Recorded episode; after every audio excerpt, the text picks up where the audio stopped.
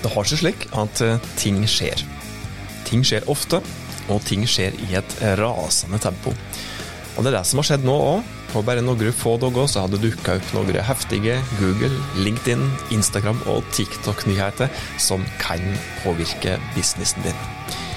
Hva det dreier seg om, og hva du bør gjøre, det skal du få svar på i løpet av de neste 15 minutter, faktisk.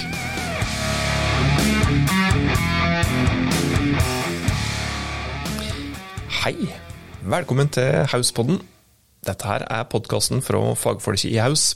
Oss er nok en gang på plass for å hjelpe deg med å både stå litt stødigere på de beina som du har der du eh, jobber, og kanskje òg, eller ikke minst, eh, hjelpe deg med å få flytte disse her beina litt framover, slik at du nærmer deg det målet som du har sett deg i den organisasjonen der som du jobber. Jeg heter Tormod Sperstad. og sier tusen takk for at eh, du hører på Hauspodden. Det setter oss eh, ordentlig pris på.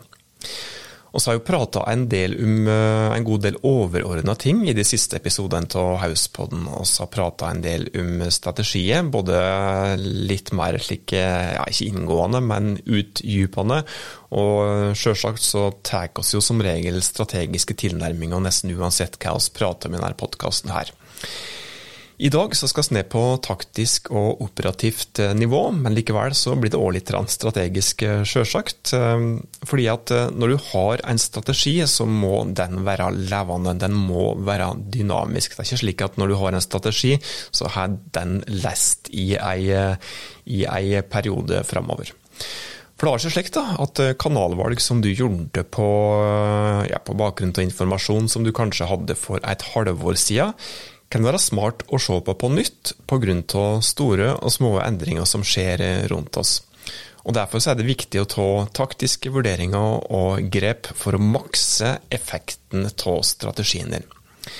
Og Det er det som har skjedd nå òg. Det har skjedd eh, noen endringer som kanskje ikke virker slik eh, kjempestore i første øyekast, men som kanskje kan komme til å måtte påvirke businessen din eh, faktisk mer enn du er klar over. Det kommer litt an på dette her.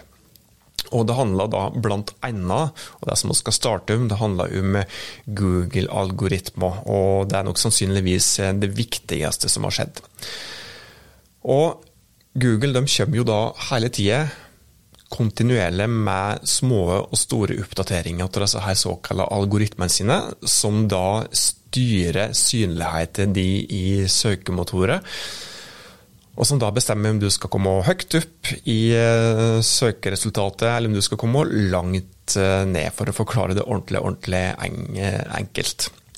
Og innimellom så kommer Google med, med litt større oppdateringer òg, og det er det som har skjedd nå. Google har kommet med en såkalt core update av algoritmene sine, som de nå gjør med ujevne mellomrom. Små endringer det gjør de som eh, sagt hver eneste dag, men kjerneoppdateringer som dette har gjerne litt større konsekvenser for synligheten til nettstedet. Og Google sier jo da ikke alltid så fryktelig mye detaljert om hva disse her eh, algoritmeoppdateringene innebærer, men de har i alle fall eh, bekrefta nå at, eh, at, de har kommet med en såkalt kjerneoppdatering. Da. Og det de òg bekrefta i forbindelse med, med kunngjøringen av slike algoritmeendringer, er det at dette her kan påvirke synligheten. Og det som er helt klart, er at eh, du som hører på nå, som da jobber i en bedrift, en organisasjon som mest sannsynligvis har et nettsted, kan måtte oppleve både bedre eller dårligere synlighet som følge av den oppdateringen her. Og Google sier jo det at tanker bak denne her oppdateringen er jo da som alltid å gi mer relevante søkeresultat for brukerne. Og detaljen for denne her er som sagt ikke kjent, men Google har jo da bekrefta at nettstedseiere kan oppleve såkalte, og nå siterer jeg ordrett, merkbare endringer. Merkbare endringer. Så da vet oss jo eh, hva oss har å forholde oss åt, da. og det er kanskje en forklaring hvis du plutselig har sett deg at nettstedstrafikken din nå f.eks. har droppa litt, at du har fått mindre trafikk inn til nettstedet ditt, og som en konsekvens at du får mindre trafikk inn til nettstedet ditt fordi at du har fått dårligere synlighet, så får du da ofte færre henvendelser, kanskje har du færre kjøp i nettbutikken din osv. Dette her har jo konsekvenser for det. Så hvis du ikke har merka noe nå, da, så eh, er det vår anbefaling at du for det første tar en liten kikk i statistikkverktøyet dine. Eh, hvis du bruker Google Analytics f.eks. Eh, kanskje sannsynligvis GA4, som nå stadig flere går over til, eller eventuelt et annet statistikkverktøy, så bør du ta en liten sjekk om du har fått en dropp eller en merkbar auke i trafikken din. I tillegg til det så bør du gjerne se litt på synligheten din all over. Kanskje har du et verktøy der du, der du gjør jevnlig analyse eller overvåking av den såkalte organiske synligheten din. Det finnes jo verktøy for dette her, der du da kan få gode indikatorer på om synligheten de er bra eller dårlig, om det har vært noen endringer, og ikke minst hva til reell plassering du har på en del søkeord i, i søkemotorer som eh, Google. Så ta en kikk i de statistikkverktøyene som du har, og hvis du ikke har eh, god innsikt eller kunnskap i hvordan du kan tolke de tallene som du ser, så kan det jo være greit å spørre noen som, som har litt fagkunnskap på området. og Google har kommet med flere nyheter i det siste, og Google har tidligere sagt at det å gjemme nettsideinnholdet ditt bak såkalte interstitials, som da er f.eks. For ulike former for pop-ups, kan skade synligheten din. Det har derimot ikke vært helt klart hvor store disse her pop-upene må være før det går ut over synligheten din, men det var før. Inntil nå. Fordi at nå kan du nemlig få opp advarsler hvis du bruker noe som heter Google Search Console, hvis Google mener at du har såkalt forstyrrende element, eller interstitials, da, på nettstedet ditt.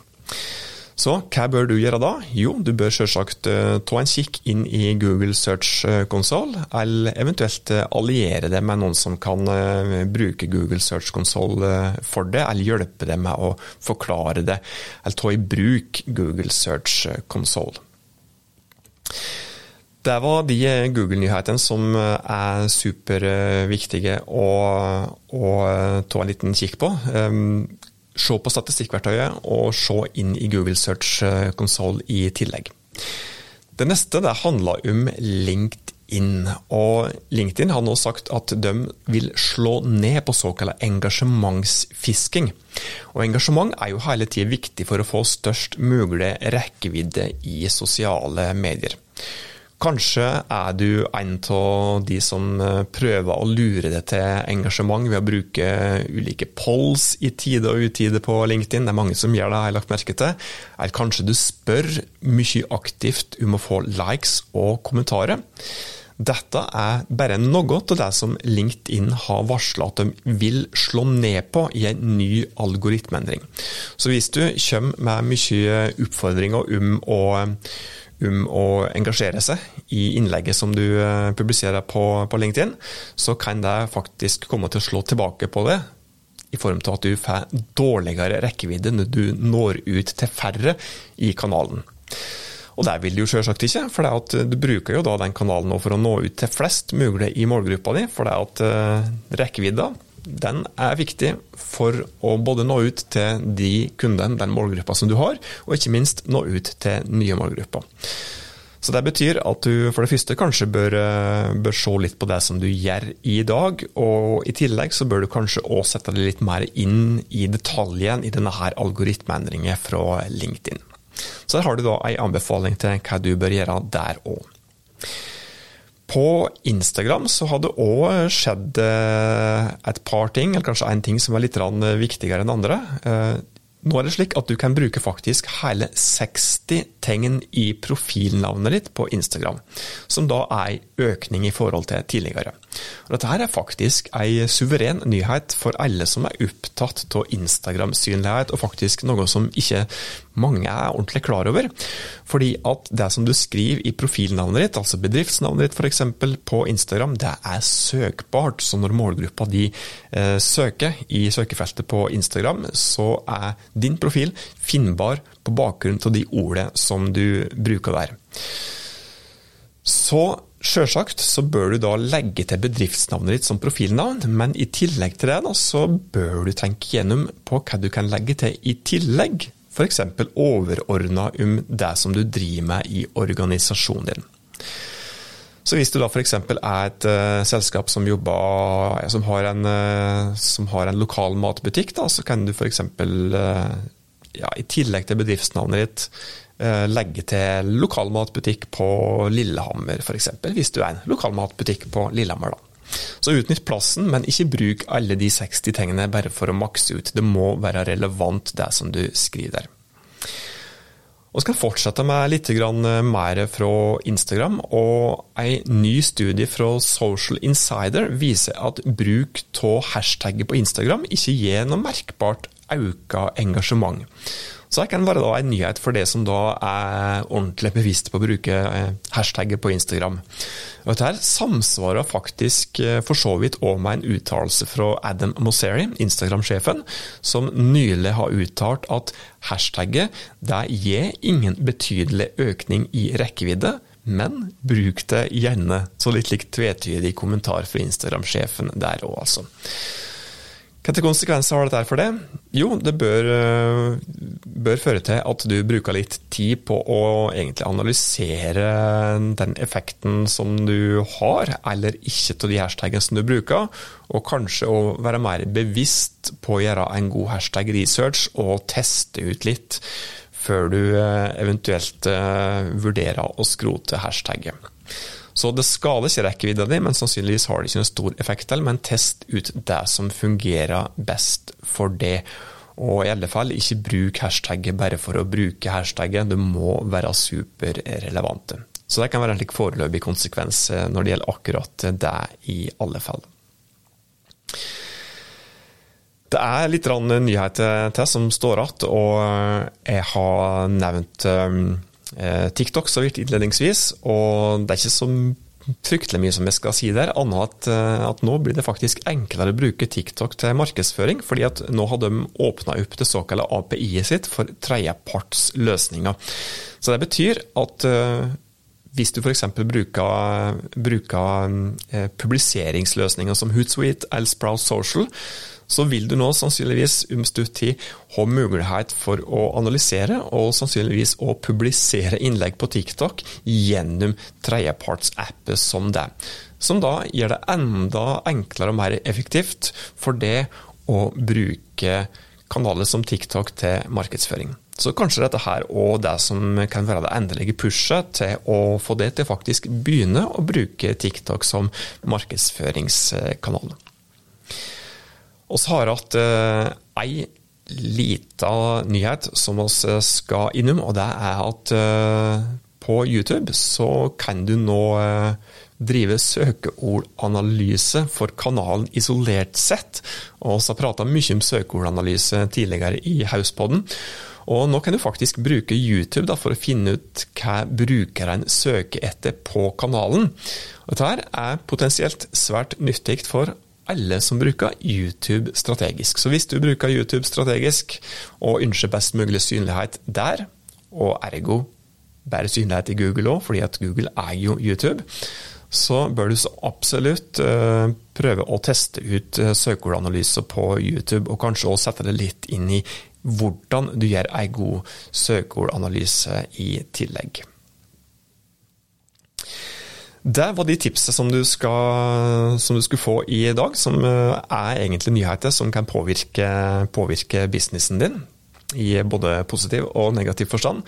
Det som står igjen da, er ukas eh, framsnakk. Og denne uka eh, her så skal vi framsnakke Lillerep, eller Lillehammer reparerer.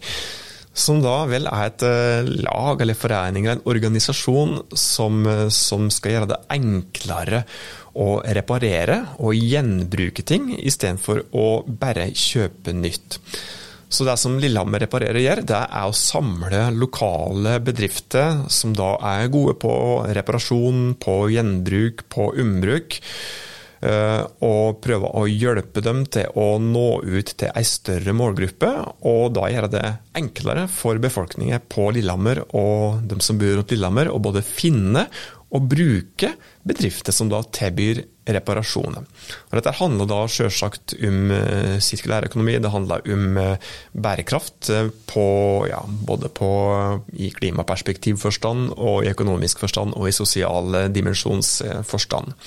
Så dette er altså absolutt vel å framsnakke. Dette er da en forretningsmodell som oss garantert kommer til å se mye mer av i tida som kommer, og som sannsynligvis òg er en forretningsmodell som òg etablerte bedrifter, som i dag driver på helt andre måter, måte, kommer til å tilnærme seg. Så jeg anbefaler at du sjekker ut uh, Lille Rep, Lillehammer Reparerer, og alle de bedriftene som, uh, som de sjøl òg prøver å løfte fram. Da har vi kommet til veis ende i denne episoden av Hausboden. Som vanlig så blir vi glade hvis du gjennom ratings eller reviews på den podkastplattformen som du bruker, for dette kan hjelpe oss med å nå ut til enda flere, slik at vi kan hjelpe enda flere organisasjoner med å nå målet sine. Inntil vi høres neste gang, ta godt vare på det og dine.